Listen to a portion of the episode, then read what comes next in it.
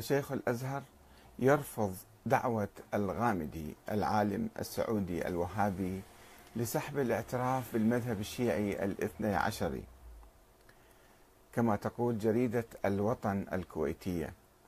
تقول وصف شيخ الأزهر الدكتور أحمد الطيب الدعوة التي طرحها أحد الدعاة السعوديين بأن يسحب الأزهر اعترافه بالمذهب الشيعي الاثني عشري وصف هذه الدعوة بأنها مرفوضة ولا يمكن لأحد أن يقبلها مشيرا إلى أن موقف الأزهر الثابت هو تحقيق الوحدة بين المسلمين.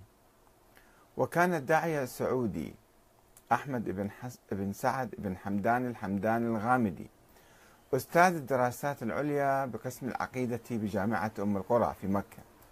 قد استنكر على علماء الأزهر الاعتراف بالمذهب الاثني عشري وجعله مذهبا فقهيا كبقية مذاهب الأمة. وأضاف الدكتور أحمد الطيب في تصريحات خاصة لجريدة الوطن الكويتية بتاريخ 25 حزيران أن السنة والشيعة هم جناح الأمة الإسلامية وأنه عبر 14 قرنا هي عمر الإسلام لم يحدث أن اقتتل السنة والشيعة. لافتا إلى أن ما يحدث بينهما الآن هو هو محاولة للنيل من المسلمين عبر سلاح التقاتل المذهبي الذي ترعاه دول خليجية خدمة للهيمنة وللاستعمار.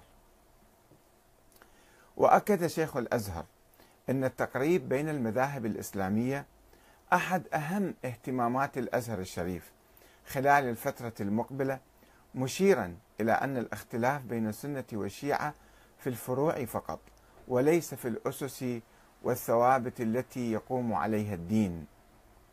وقال الدكتور أحمد الطيب أن الأزهر لا يفرق بين سني وشيعي طالما أن الجميع يقر بالشهادتين فذلك يأتي ضمن منهج الأزهر الشريف في نشر مفاهيم الاعتدال الفكري والعقائدي.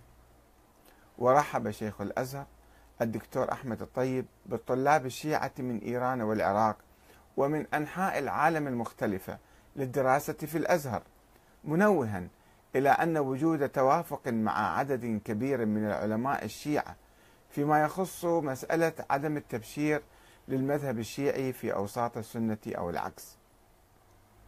وذكر وأكد الدكتور أحمد الطيب إن الأزهر يسير ويتمسك بدعوة التقريب بين السنة والشيعة التي قادها شيخ الأزهر الراحل محمود سلتوت مع المرجع الشيعي تقي الدين القمي عندما أسس دار التقريب بين المذاهب الإسلامية في أربعينيات القرن الماضي.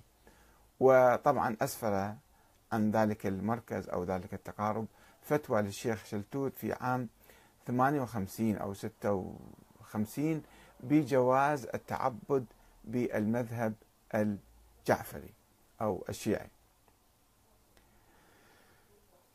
وكان هذا الغامدي زعم بأن الأزهر جازف آه، آه، عندما أجاز عندما أجاز فقه الإمامية قد أدخل مصدرا للتشريع غير الكتاب والسنة. يعني آه، الأحاديث الواردة عن الأئمة من أهل البيت. آه، وهي دعوة إما دعوة جاهل أو متجاهل لأن الأئمة الشيعة لا يقولون من عندهم شيئا إنما هم مؤتمنون على ما ترك رسول الله. هكذا يرد عليه آه، زعيم الزعيم الروحي للشيعة في مصر المستشار الدمرداش العقالي